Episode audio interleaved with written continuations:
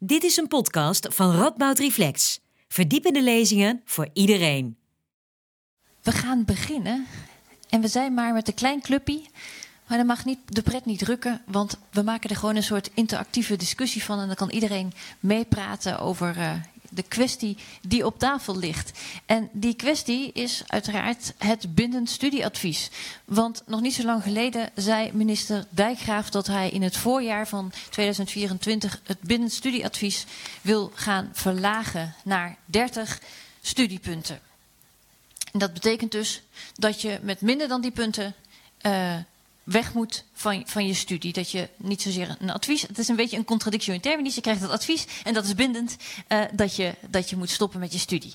En daar is heel uh, verdeeld op gereageerd. Uh, de meeste studenten en de meeste studentengroeperingen die zijn enthousiast of willen eigenlijk liever nog meer dan dat.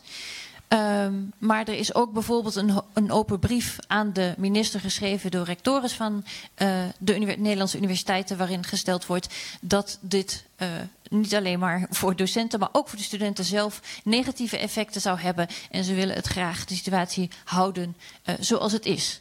Um, Daarover ga ik het vandaag hebben met mijn twee sprekers. Roos Lips, zij is studentengeschiedenis en fractievoorzitter van Accuraat. En nu dus op campagne. Um, en Kees Leijenhorst, filosoof en directeur onderwijs aan de faculteit Filosofie, Theologie en Religiewetenschappen. En wat we vandaag gaan doen is eigenlijk niet zozeer kijken wie er nou gelijk heeft. Al was het maar omdat we er net achter kwamen dat Kees en Roos helemaal niet zo heel ver uit elkaar liggen. Maar dat Kees toch een beetje gaat uh, porren dat het, uh, nou ja, dat er, wat meer, uh, dat er toch wat meer frictie lijkt te zijn op zijn minst. Uh, maar dat we vooral gaan kijken naar wat staat hier nou eigenlijk op het spel en waar gaat het eigenlijk over? Wat zijn de, de factoren achter uh, dit voorstel van de minister en wat zijn de, de voor's en tegens? Um, leuk dat jullie er zijn. Mijn naam is Liesbeth Jansen, ik ben programmamaker bij Radboud Reflect. Voor de mensen die achter in de zaal zijn gaan zitten, Leuk dat jullie er zijn. Als je nog zin hebt om wat meer naar voren te komen, graag. Want dan kun je makkelijker deelnemen aan de discussie. Um, ja, we hebben dus tot kwart over één. Mijn idee is dat we vooral met z'n allen gaan praten. Dus ik ga het niet opdelen in uh, eerst een gesprek en daarna vragen. Dat komt allemaal wel vanzelf. Roos en Kees, mag ik jullie uitnodigen om hier te gaan zitten? En we gaan met z'n allen zitten. En het komt vooral omdat uh, Kees door een medische conditie niet zo lang kan staan. Maar we zijn heel blij dat jullie hier allebei zijn. ik ga even beginnen met een, uh, met een soort kort uh, vragenrondje aan, aan jullie allebei. Um, zijn jullie het eens met de plannen van de minister? Um, ja en nee. Ik denk ja, omdat uh, de verlaging van het BSA zoals het nu is, studenten, vooral eerstejaarsstudenten, wat ademruimte geeft. Mm -hmm. um, en nee, omdat ik eigenlijk tegen het BSA als systeem ben. Oké, okay, dank je. Uh, Komen we straks nog verder ja. op in. Uh, ja en nee. ja, omdat ik voor een BSA ben, ben in het huidige systeem. En nee, omdat ik me afvraag om de verlaging van de norm... of dat niet betekent dat je net zo goed de norm niet zou kunnen handhaven. Ja. Um, 30.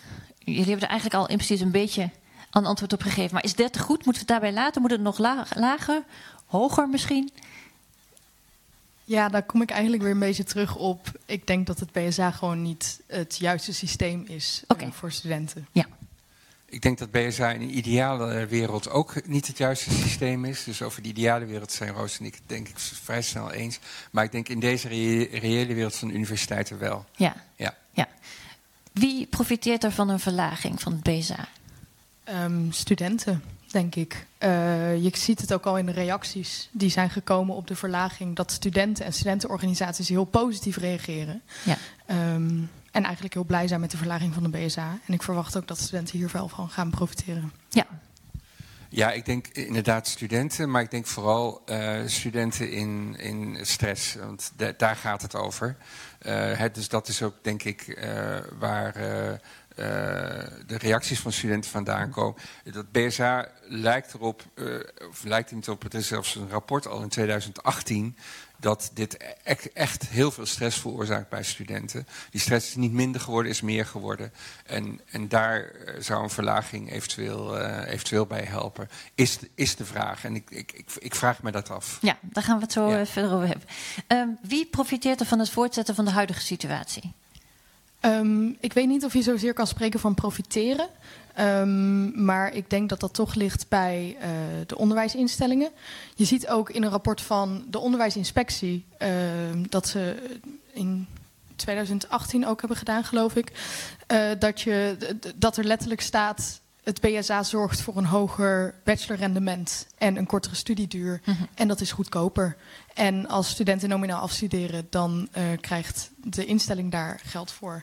Dus ik denk dat, uh, dat deze norm vooral uh, profijt heeft voor onderwijsinstellingen. Ja, en dan ook vooral vanuit een financieel oogpunt. Vooral vanuit een financieel oogpunt, ja. ja. ja. ja. ja dat, dat, dat klopt. maar dat is niet uh, wat de oorspronkelijke bedoeling was van het BSA, van, zelfs van het SA, toen het nog studentenadvies heette, uh, lang, uh, lang geleden. het gaat over de student. En het zou ook de student ten goede moeten komen.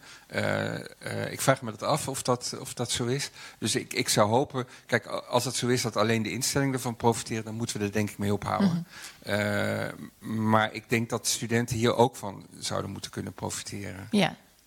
Ja, en nog even, ik dacht nog even een paar feitjes om ieders geheugen weer wat op te frissen. Um, we hebben het over de BSA, het bindend studieadvies. En dat betekent dat uh, je aan het einde van je eerste jaar het advies krijgt op basis van het aantal behaalde studiepunten of je wel of niet door mag gaan met je studie. Uh, nu is een heel jaar studeren betekent 60 studiepunten. Althans, dat, is de, dat, dat zouden alle punten zijn die je kunt halen. Um, en per universiteit, en zelfs per faculteit, is de BSA verschillend. En op de RU is het zo, die fluctueert het van 39 punten bij FNWI tot 45 punten bij letteren en rechtsgeleerdheid. Um, de BSA die bestaat al sinds 1933. Ach, 93. Kleine 60 jaar verschil. Al sinds 93 als verplicht advies. En daarna is het steeds meer ingevoerd als bindend. Maar uh, veel meer bij hogescholen dan bij universiteiten. Namelijk in 2000 uh, was het bindend op 10% van de universiteiten. In 2008 op 43% van de universiteiten. En bij hogescholen lag dat percentage toen al op 98%. Dus ja, voor de, voor de duidelijkheid. Het betekent dus dat je moet ophouden met de specifieke studie die je, eh, die je aan het volgen bent aan deze instelling. Dus het zou kunnen, eh, dus in mijn geval eh, eh, bijvoorbeeld, je doet filosofie hier in Nijmegen, je krijgt een negatief binnen het studieadvies, dan kun je wel een eerste jaar in Utrecht gaan doen, bijvoorbeeld. Want dat heeft geen consequentie voor als je je daar aanmeldt dat men dan zegt, Nee. ja, u hebt al een negatief Nee. advies gehad, Nee. wij nemen Nee. u niet meer aan. Nee. nee. En wat je ook ziet, ehm, is dat heel veel studenten dat ook doen. Er is een onderzoek geweest van de Vrije Universiteit. ehm, waarin is gebleken dat 92,5% van de studenten die een negatief binnen studieadvies krijgt in hun eerste jaar, eenzelfde of een gelijkmatige opleiding gaan doen aan een andere universiteit. En die meestal ook halen. En hoe komt dat dan? Hoe dat komt, dat. eh, Dat ze hem daarna wel halen? ja, dat, dat, dat is. eh, ehm, ja, misschien zou dat komen door een, een studiehouding. Dat, dat die veranderd is. Dat je bijvoorbeeld eh, in je eerste jaar krijg je te maken met heel veel externe factoren. die ook heel veel druk en stress op kunnen leveren. en ook invloed kunnen hebben op je studieresultaten. Het kan zijn dat als je al een jaar gestudeerd hebt. dat je daar wat meer aan gewend bent. Dat je je beter. eh, ja, dat je gewoon meer gewend bent aan het hoger onderwijs. En dat je sneller eh, die BSA-norm wel haalt. En je Ja, en je wel bedoelt, ding, je bedoelt dan dingen als dat je op kamers gaat en dat je een nieuwe vriend Ja, moet maken en dat je de stad moet leren kennen. en- Ja, en je gaat voor het eerst op jezelf wonen. Je krijgt een hele nieuwe sociale cirkel. Maar ook, ik denk dat een hele belangrijke is daarbij de switch van middelbare schoolonderwijs naar universitair onderwijs of naar hogeschool. Dat is echt een heel groot verschil. Ehm, ik heb daar zelf ook eh, last van gehad. Ik heb mijn BSA niet gehaald. Eh, door corona mocht ik toch door. Ehm, maar ik zit hartstikke op mijn plek. En ik vind Ja. de studie die ik doe heel erg leuk. Ja, Ja. ja. Dus je zegt, als ik hem, als, hè, anders was ik gewoon uitgevallen. Wat had je dan gedaan? Was je hem ergens anders opnieuw gaan oppakken? Ik, ehm, ik denk het wel. Ja. ja. Of ik was Nederlands gaan studeren. maar ik, ik, ja. Ja. Maar Kees, je zou ook kunnen stellen dat mensen dan juist bij een andere universiteit denken... nou, hier moet het. Nu moet het goed gaan. Dus dat je alsnog kunt zeggen, dan heb je wel iets aan het BSA gehad. Ja. Dat, dat, dat zegt het onderzoek dus precies niet. het is wel zo dat het een. Uh, de, de, de, belangrijkste reden waarom we dat BSH hebben, is om een student uh, te laten zien of die student op haar of zijn plek zit. Mm en uh, als het betekent dat die student diezelfde opleiding aan een, aan een, andere universiteit gaat doen, dat is in zekere zin niet de bedoeling van het BSH.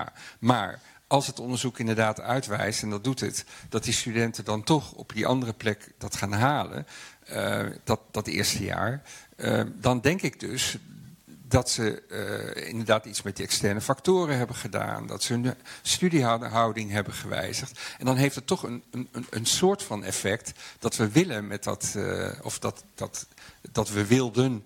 Uh, met, met, het, met het BSA. Ja, maar je zou denken dat dat toch gemakkelijk uit te zoeken zou moeten kunnen zijn. Of het dan ligt aan het feit dat ze denken: oei, ik, dit is een soort waarschuwing geweest, ik moet meer mijn best gaan ja. doen. Ja. Of dat mensen inderdaad gewoon na een jaar op zichzelf gewoon meer gezetteld zijn in hun nieuwe bestaan. Ja. En daardoor makkelijker meer ruimte voor hun studie kunnen in. Is dat, is dat uitgezocht, weet je dat? Um, volgens mij is daar weinig onderzoek naar gedaan. of eigenlijk geen. Um, ik heb wel gelezen dat, dat mensen daar wel rekening mee houden, maar dat ze eigenlijk zeggen dat is heel moeilijk te onderzoeken. Um, vooral bij universiteiten. Ja. Er zijn geen cijfers van bekend. Oh, Oké, en waarom vooral bij universiteiten moeilijk te onderzoeken? Nou ja, ik denk dat dat te linken is misschien aan uh, de cijfers die jij net noemde. Dat hogescholen gewoon al veel langer werken met het BSA als bindend advies. Dus dat daar gewoon meer resultaten over bekend zijn. Ja. ja. Ja. Ik ga meteen even naar uh, de mensen in de zaal. Um, wie van jullie is er voor een verlaging van. Dus wie is het eens met de plannen van de minister? Ongeveer de helft. Wie is tegen? Mag je ja nee Nee. Dat doen wij ook. uh, en wie zegt de plannen van de minister gaan we nog niet ver genoeg? Even kijken. Ik ga eerst even, ik ga even iemand het woord geven die net zei. Ja, ik ben het eens met de plannen van de minister. Volgens mij sta ik bij jullie een aantal mensen. Wil een van jullie toelichten? Ja, nou, ik ben wel een beetje, ook wel een beetje biased. Uh, ik heb in de FSR gezeten van FWI, eh, ongeveer uh, vijf jaar geleden, in de tijd dat daar de hele discussie was of de BSA opgehoogd moest worden. Het is ook niet voor niets dat daar de BSA nog 37 is, of 39 is inmiddels, en niet 45, omdat dat is echt met een geschil is dat toen opgelost moeten worden. Um, Goed, ik zat niet in, in dat jaar. De, de studentenraad heeft er veel meegedaan. Ik zat niet in het jaar dat dat ze dat deden. Maar ik zat wel in het jaar dat ze eigenlijk het opnieuw probeerden om te verhogen. En destijds ook heel veel onderzoeken erover gelezen en gekeken van hoe het zat. En toen waren er ook inderdaad een aantal, een paar onderzoeken die al gedaan werden door andere universiteiten. En daar kwam eigenlijk uit van, hé, hey, wat we zien is als je dat BSA ophoogt, dat uh, het aantal studenten uh, dat het haalt eigenlijk gelijk blijft. Alleen dat de druk op de studenten wel toeneemt. En uh, ze zeiden van ja, dus je, je kunt wel op blijven hogen, maar je, neemt eigenlijk alleen maar de druk toe. En de studenten die het niet halen, die hebben eigenlijk zo weinig studiepunten. Ja, die, weet je wel, die halen toch niet, dus die vallen toch wel weg. En de conclusie die ze eigenlijk ook gaven was van... wat eigenlijk veel effectiever werkt, wat veel beter werkt is door de studiebegeleiding op te, uh, op te schroeven. Het blijkt dat als je de studiebegeleiding intensiveert, dat de mensen die je dan uitfiltert veel representatiever zijn voor de mensen die de studie niet halen, dan dat je dat met zo'n nummertje doet. En dat is natuurlijk. Ja. Ja. ja. Dankjewel. Uh, ja, heel goed om te weten. Jij zegt, ik ben het eens met die plannen, want uit onderzoek blijkt dat het feitelijk niet uitmaakt hoe hoog uh, die cijfers precies zijn. Wil een van jullie daarop reageren? Ja, ik denk dat ik daar uh, kwaliteiten qua of, uh, een beetje op moet uh, gezien het standpunt dat ik net naar voren bracht. Um, kijk, ik denk dat we het eens zijn allemaal over, de, over het probleem. En, en ook het probleem waarom de minister nu die norm wil verlagen. En dat is de onwaarschijnlijke stress waar studenten uh, onder te lijden hebben. Zeker sinds corona. Maar daar zit, daar zit de, de, de housing uh, problem zit daarbij. Daar zit de klimaatcrisis waar veel studenten stress over hebben bij. de keuzestress die ze hebben door die, dat enorme palet aan opleidingen dat wij aanbieden. En, en denken studenten daarbij te helpen. Um, dus, dus daar zijn we het over eens. Um, mijn, mijn probleem is alleen dat ik mij afvraag. Ehm, eh, er is zoiets als de post-PSA-dip. Eh, die is al, al, jaren. De studenten werken heel hard om het eerste jaar te halen. eh, komen, werken zich in de stress, inderdaad. En in het tweede jaar gaat, gaat die spanning daarvan af. En zie je dat die rendementen, want daar gaat het dan over, veel lager uitkomen. En ik vraag mij af, als wij niet een, een norm. En eh, dat mag wat mij betreft een, best een flinke norm zijn. eh, hè, dus ik vraag me dat af. Hè, dus dat, is, dat wil ik in- inderdaad inbrengen. Als we niet zo'n norm hebben, betekent dat niet dat je de stress verplaatst naar jaar 2 en jaar 3. Dus dat je er in jaar 3 achter komt. Eigenlijk was dit misschien niet de studie die ik moest doen. Je ondertussen SUF hebt geleend. Nou, we gaan naar een ander stelsel. Dus het wordt misschien ietsje minder eh, erg, maar het blijft erg om er in jaar 2 of jaar 3 achter te komen. En, en dat, dat, dat vind ik een van de belangrijke argumenten om, om dat BSH wel overeind eh, te Ja. houden. En ik wil graag overtuigd worden dat dat niet zo is. Ja, helder. Eh, Roos. Ja, ehm, ik hoor je zeggen, eh, studenten ervaren heel veel stress, externe stress. Ehm, en het BSA is een van de punten waar studenten stress uit ervaren.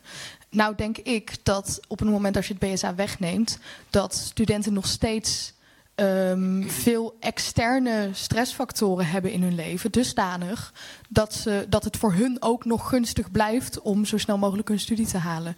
En om niet eh, er twintig jaar over te doen, om het zo maar even eh, in de extreme te zeggen. Ehm, eh, veel studenten die maken geen aanspraak meer op, het basis, op de basisbeurs. De basisbeurs is heel erg laag. Ehm, studenten moeten lenen, studenten moeten werken. Eh, als student kun je niet fulltime werken. Eh, je moet een kamer huren, je moet zorgverzekering betalen, je moet eh, boodschappen doen, die ook ontzettend duur zijn. Dus het is voor studenten door allerlei externe factoren ook helemaal niet gunstig om eh, heel lang over een studie te doen. Ja, en toch, mag ik? Ja, ja, ja zeker. Ja, toch vraag ik me dat een beetje af. Hè. Dus als je met studenten praat, en eh, we praten natuurlijk veel met eh, studenten, dan, dan zie je eh, dat stress, dat er ook keuzestress is. Het, er zijn heel veel dingen waar je aandacht aan kunt besteden en wilt besteden. En ik vraag me een beetje af, als we niet door, door een of andere vorm van norm, hè, zoals de BSA is, die studie niet hoog op het prioriteitenlijstje houden, dan vraag ik mij toch een beetje af of die studie niet lager komt op het prioriteitenlijstje. Ehm, en, eh, en, en het toch betekent dat studenten er langer over gaan doen. Ondanks die, die, die externe uitgangspunten die jij, die jij noemt. Dus ik, ik, ik vraag me dat gewoon af of dat zo, of dat zo werkt. Ja, misschien moeten we het überhaupt even hebben, want we hebben het nu over stress. En dat is denk ik een hele belangrijke factor. Maar ook een Ja. hele grote en diffuse factor. Ja. En ik hoorde jou een soort verschil maken tussen, of eigenlijk jullie allebei, een verschil maken tussen eh, factoren die te maken hebben met je studie, die stress opleveren. Zoals inderdaad de basisbeurs en geen woning kunnen vinden en, en, en eh, oh, eh, een nieuwe plek moeten vinden. Ehm, en stress die meer zit in. ehm, nou ja, omgevingsdingen, om het maar zo even te noemen. Zullen we eens beginnen met die factoren die verbonden zijn aan het studeren? Wa- wat zijn op, op, op dit moment de belangrijkste stressfactoren voor een student die met de studie te maken hebben? Roos, misschien. Roos, misschien eerst. Ja. Ehm, nou ja, ik, ik, ik wil ten eerste, ik wil zo op jouw vraag ingaan. Ik wil ten eerste nog heel even reageren op wa- wat jij net zei. Ehm, en ik denk wel dat, dat we niet moeten vergeten dat studenten nog steeds de studiepunten moeten halen. Het is niet dat als je zegt het BSA is er niet meer, ehm, dat de studiepunten ineens niet meer gehaald hoeven te worden en studenten maar gewoon een beetje kunnen freeballen en eh, kunnen doen wat ze leuk vinden. Ik denk ook dat het heel belangrijk is dat studenten kunnen doen wat ze leuk vinden. En dat het helemaal niet erg is als ze daardoor een jaar langer over hun studie doen. Ik doe nu zelf ook een bestuursjaar waar ik heel veel van leer, wat ik heel leuk vind, waardoor ik een jaar langer over mijn studie doe. Ehm, ja, dus dat. en ten tweede, eh, welke stressfactoren ervaren studenten nu? Ja, wat zijn de belangrijkste stressfactoren voor studenten nu die te maken hebben met je studie? Ehm, te maken met de studie is eigenlijk gewoon eh, het behalen van studiepunten en geld. Dat is een heel, heel groot punt. Eh, het, ik, ik val nog onder het leenstelsel. Ik heb straks ook geen recht meer op de basisbeurs. Eh, ik moet rente gaan betalen. Ehm, ja, en ik moet eigenlijk gewoon zo snel mogelijk, zoveel mogelijk studiepunten halen. Ehm, en daarbij denk ik ook dat, dat ehm, het heel hoog gewaardeerd is en eigenlijk nodig is om als student van alles naast je studie te doen. Momenteel is de arbeidsmarkt ook zo dat als je aankomt en je zegt: Hallo, ik heb gestudeerd. Uh, dit is mijn bachelordiploma. Dat dan een werkgever 9 van de 10 keer zal zeggen: Oh, en wat heb je nog meer gedaan? Want ik heb hier nog 10 kandidaten die ook een bachelordiploma hebben. En die hebben allemaal een bestuursjaar, een uh, commissie gedaan, een medezeggenschapsjaar, een weet ik veel wat allemaal daarnaast dan zal een werkgever eerder voor zo'n kandidaat gaan. Dus je wordt eigenlijk ook een beetje gedwongen om van alles naast je studie te doen. Ik denk dat dat ook voor heel veel stress zorgt. Ja, plus dat we weten hè, uit onderzoek dat uh, de, de, de, helft van onze bachelorstudenten heeft mentale problematiek. Uh, dus dat moet je je voorstellen, wat, wat voor een aanvallen, hè, de, de aantallen dat zijn. Heb je zo'n college zoals dit, de helft zit met uh, psychische uh, problematiek, die verergerd is door de, door de coronacrisis. Uh, er is veel isolement. studenten weten de gang naar de, naar de Unie niet meer, niet meer te vinden. nou, het is een beetje heel dramatisch gezegd, maar voor veel studenten is dat, is dat zo. Dus er is gewoon heel veel stress. En die is studiegerelateerd, maar die is ook niet studie, studiegerelateerd. Die, die heeft ook te maken met, met uh, ja, ik, ik, ik, ik denk dat we over tien jaar, als we van die long, longitudinale onderzoeken hebben gedaan, dat we, dat we zullen zien dat, dat die coronacrisis er onwaarschijnlijk in heeft mm. gehakt bij, bij deze generatie. Ja. ja. En jullie zeggen dus ook, want de BSA is natuurlijk dus al in 1993 op een bepaalde manier ingevoerd.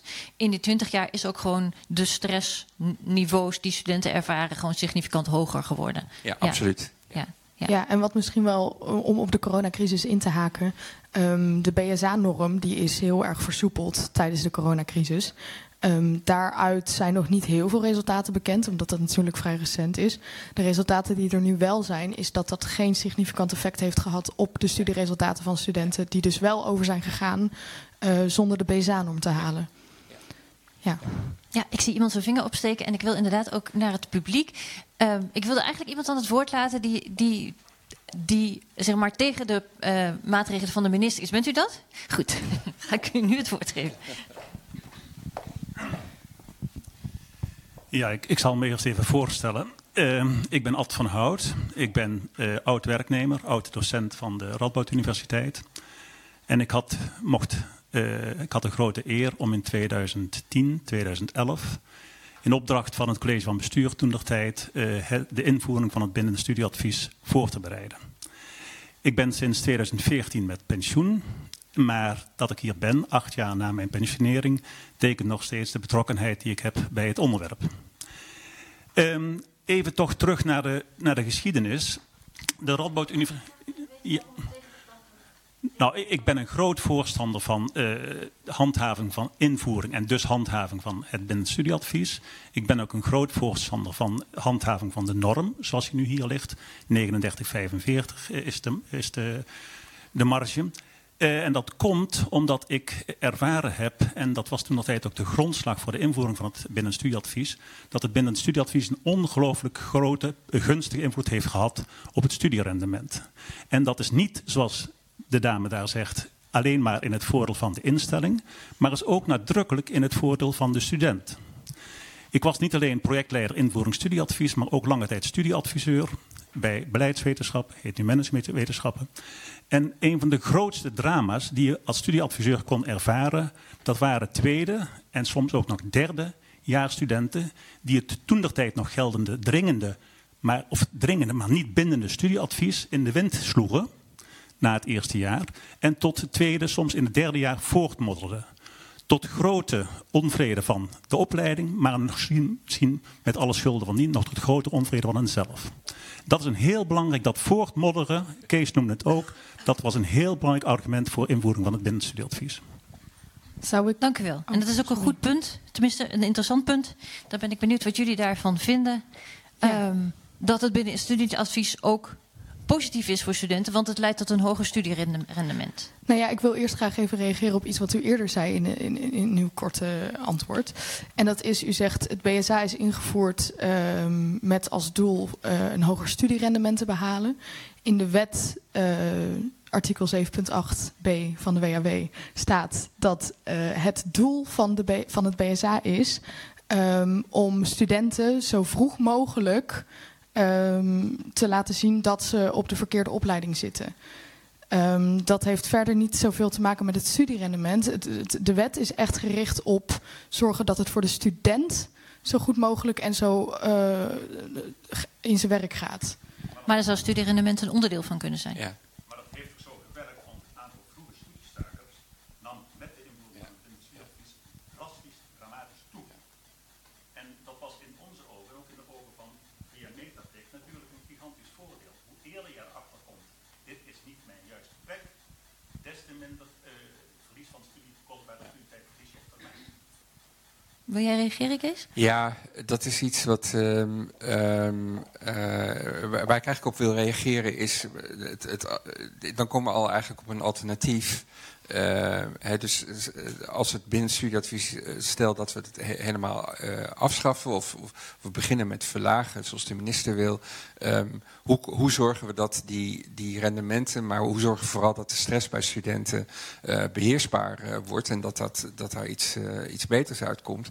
En um, daar zeggen studentenorganisaties er moet meer persoonlijke begeleiding. Hè, dus dat is wat Accu ook, uh, ook zegt. En daar ben ik het mee eens. Hè. Dus ik denk dat we ook toe moeten naar meer persoonlijke begeleiding. deze universiteit heeft een leerlijn persoonlijke professionele ontwikkeling ingesteld. Ja. komt niet echt van de grond nog bij, de, bij veel faculteiten. er is een extra project studiebegeleiding 2023 is verlengd. Uh, levert ook nog niet helemaal het gewenste resultaat op. Dus ik, ik, ik ben een beetje bang. Ik, in een ideale wereld zouden we die norm niet nodig hebben. En zou het onderwijs en ook de begeleiding dusdanig gepersonaliseerd zijn. dat we vroeg in de gaten hebben of iemand op de goede plek zit of niet. En uh, dat dat in overleg en in gesprek met de studenten ook kan gebeuren. Maar dit is niet die ideale wereld. De bekostiging van de universiteiten loopt achter. Uh, er is werkdruk onder personeel. Um, ik denk dat, dat we een switch naar een dergelijk gepersonaliseerd systeem... dat we die nog niet kunnen maken. En dat we die norm gewoon nog nodig hebben. En als we nog even teruggaan naar het punt van meneer... die zegt maar het is niet alleen maar, uh, zeg maar goed voor de cijfers van de universiteit... maar het is ook dat, dat ja. studenten hun rendement ja. ophogen door ja. Maatregel. Dat is ook in het belang van, van studenten. Wat, wat zeg je dan? Ja, dat, dat, dat, de, dat denk ik dus ook. Daar, daar ben ik het mee eens uh, met, met wat, uh, wat, er, wat er ingebracht wordt. ik, ik vind de BSA alleen maar interessant als het interessant is voor de student.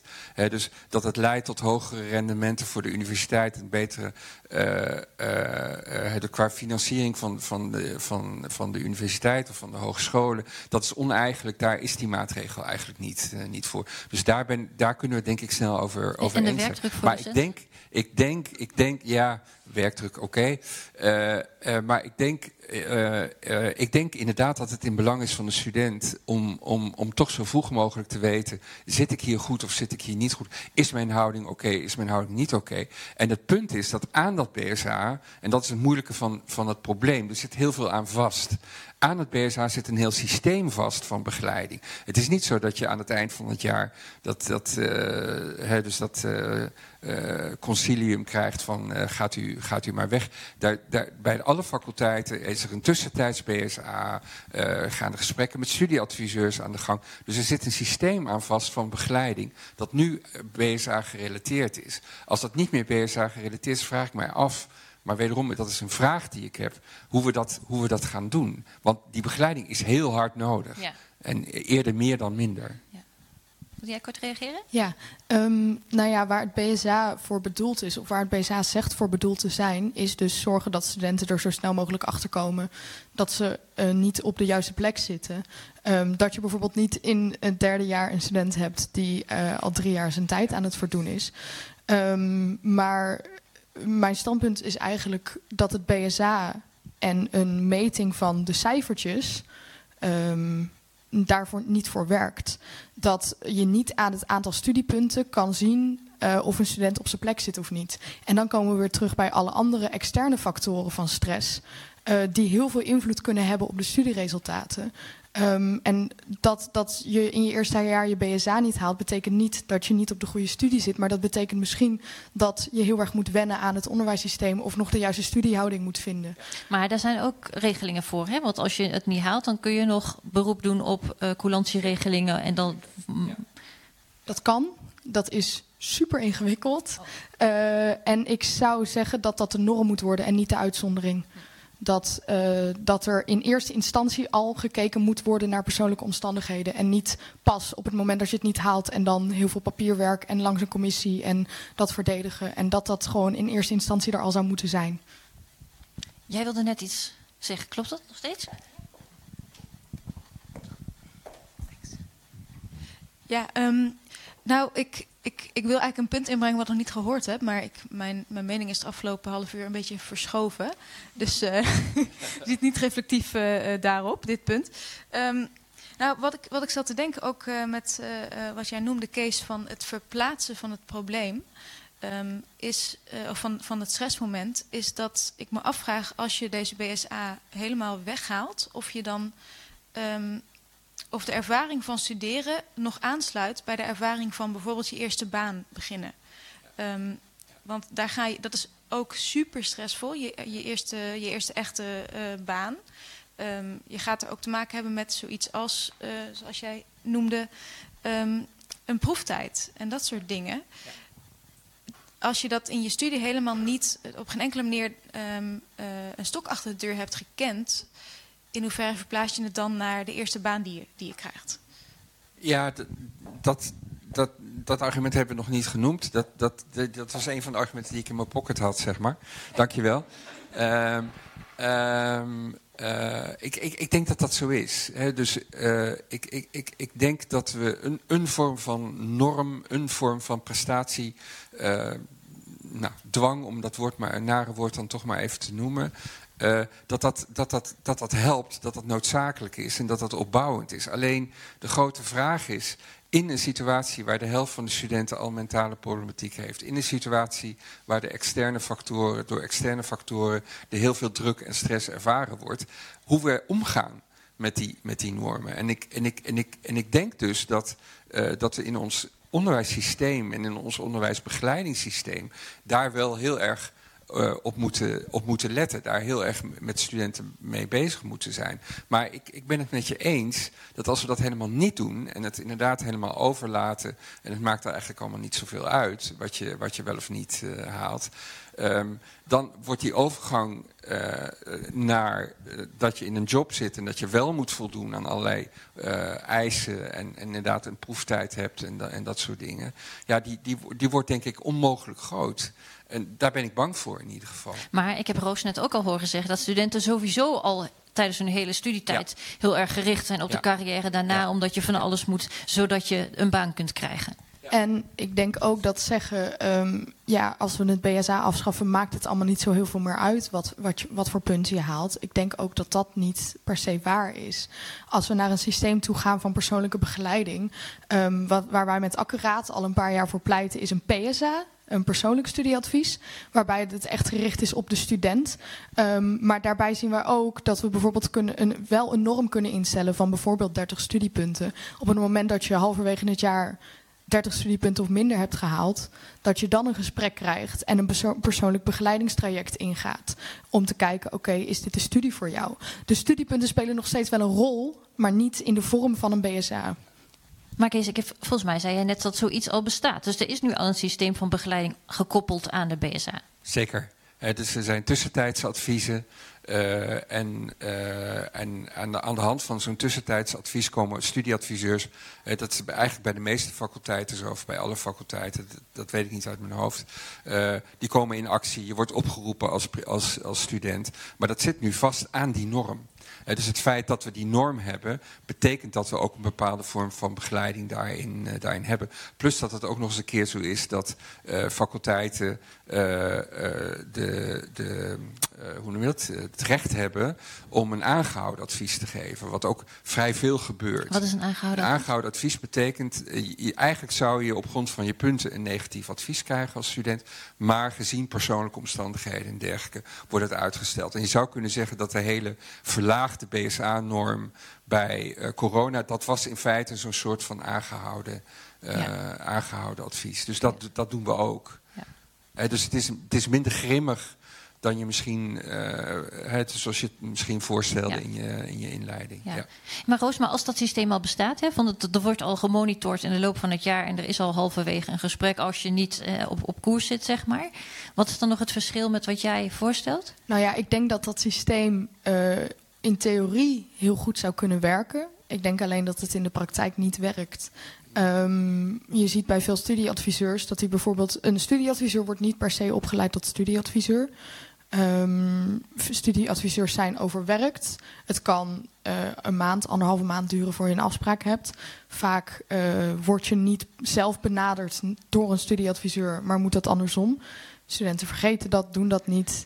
Ehm, ja, dus, dus eh, ik denk eh, ja, de studieadviseurs kunnen ingezet worden ehm, voor begeleiding, een persoonlijke begeleiding. Alleen ik denk niet dat het, dat het systeem al het gevo- gevormd is hoe het het beste zou werken. Ja, maar dan, ja, goed, maar in dat geval zou je natuurlijk kunnen zeggen, dan moeten we sleutelen. En dat wordt al gedaan. Hè. Er is een groot project studiebegeleiding 2023, eh, wat verlengd wordt aan deze, aan deze universiteit. Waarin eh, studieadviseurs professionele slag maken, eh, waarin er meer studieadviseurs komen en zo. Dan moet je daaraan sleutelen, maar moet je niet aan de norm gaan sleutelen. Dat is geen argument om aan de norm te gaan sleutelen, toch? Toch? wat vind je? Ja, eh, is dat geen argument om aan de norm te sleutelen? Ehm, nou ja, ik denk eigenlijk op het moment dat je werkt naar een systeem waarin persoonlijke begeleiding centraal staat, dat je die norm niet meer nodig hebt om hetzelfde resultaat te bereiken. Ehm, ja, dat. Ja, dat is nogmaals, dat, is, dat komt overeen met, met de, de ideale universiteit zoals ik hem voor me zie. En, ehm, en dat is een universiteit waarin we ook dit soort zalen niet meer hebben. Eh, het is waarin het niet meer zo is dat je twaalf keer naar een hoorcollege gaat en, en je maakt zo'n schriftelijk tentamen en je haalt je puntjes en, en, en je hebt je, je, hebt je, je BSA. Maar waarin we eh, eh, veel meer inderdaad dat personalized learning hebben, waarin hoorcolleges thuis worden gekeken wat studenten sowieso willen, die willen sowieso niet meer naar de campus komen daarvoor. Ehm, en, en dat betekent dat je binnen de groep veel makkelijker kunt differentiëren en veel makkelijker kunt ingaan als docent op eh, verschillende stijlen van leren, op verschillende leerbehoeftes. Maar ik ben gewoon bang dat met de huidige druk, ook op docenten, en je noemde het woord, het infame woord werkdruk. eh, ja, ik ben gewoon bang dat we daar dat ideaal daar nog, nog kilometers van vandaan eh, zijn. Ja, en dan is eigenlijk een beetje mijn vraag, maar moeten de studenten die last dan dragen op het moment dat de universiteit niet kan faciliteren in voldoende goed opgeleid personeel, eh, moeten de studenten dan de dupe zijn van een systeem dat voor hun extra druk en stress oplevert? Of is dat een beleidskeuze die de universiteit moet maken ehm, door eh, een systeem op te gaan stellen wat voor- zorgt voor meer persoonlijke begeleiding? Ik zie een hand. Ja. Daar ga ik heen. Ja. Ik eh, zou een andere ideale universiteit voor willen stellen. eh, waar we zoveel mogelijk die externe stressfactoren die jullie noemden eruit gooien. We gaan gewoon studenten in het eerste jaar sociaal-economisch pamperen. Ze krijgen een huis van de universiteit. Ze krijgen een dikke beurs. Moet 50 EC halen. Als je hem niet haalt, mag je nergens meer in Nederland aan die faculteit studeren. Gewoon één kans, iedereen gelijk en kijken of het lukt. Is dat niet een prachtige ideale universiteit? Nee. eh, ik, denk het, ik denk het niet. Eh, ik denk, eh, kijk, dit is een ehm emancipatieuniversiteit. Eh, het was eh, het oorspronkelijk de katholieke minderheid, in sommige gebieden meerderheid. Ehm, en nu gaat het erover, en, en ik ben daar zelf heel trots op. eh, wij zijn de universiteit met het grootste aantal eh, studenten waarvan de ouders niet gestudeerd hebben. Ehm, eh, in, in, in Nederland. Hè. Dus het is nog steeds, we hebben nog steeds die emancipatiefunctie. ik denk dat als je dit doet, creëer je elite-universiteiten. die zijn er in de wereld. Oxford en Cambridge. Ik ken Oxford vrij goed van binnenuit. Um, fantastisch van uh, alle tijd van de wereld, uh, personalized learning. Uh, je zit met drie studenten, je schrijft iedere week een paper en je zit met drie studenten bij elkaar en krijgt les van een, van een professor. Dat is natuurlijk de droom van, van iedereen. Maar het is inderdaad een elite universiteit en not for us. Ik denk, ik denk gewoon dat wij dat niet zijn. En ik denk ook niet dat we dat moeten willen zijn. Dat we, dat we voor, voor die elite er niet, er niet zijn. Nee. Oké, ik ga jou het woord geven voor. Ja, het, um, kwam al even ter sprake helemaal aan het begin. Maar het gaat heel veel over wat de bedoeling is van het BSA. En dat het zou dan goed zijn voor studentenwelzijn of niet, et cetera. Maar in de praktijk wordt het dus wel gebruikt als vooral uh, een manier om de kosten te dempen voor de onderwijsinstellingen. Dat is hoe het in de praktijk vaak gebruikt wordt. En voor zover wat ik meekrijg van het nationaal debat, ook in het nieuws, zijn het vooral de hogescholen, het bestuur en de universiteitsbesturen die heel voor het behoud van het BSA zijn. En dat is voornamelijk vanwege een financiële prikkel. Maar waar komt die financiële prikkel vandaan? Dat is omdat universiteiten en hogescholen voornamelijk betaald worden op basis van de hoeveelheid studenten die nominaal afstuderen.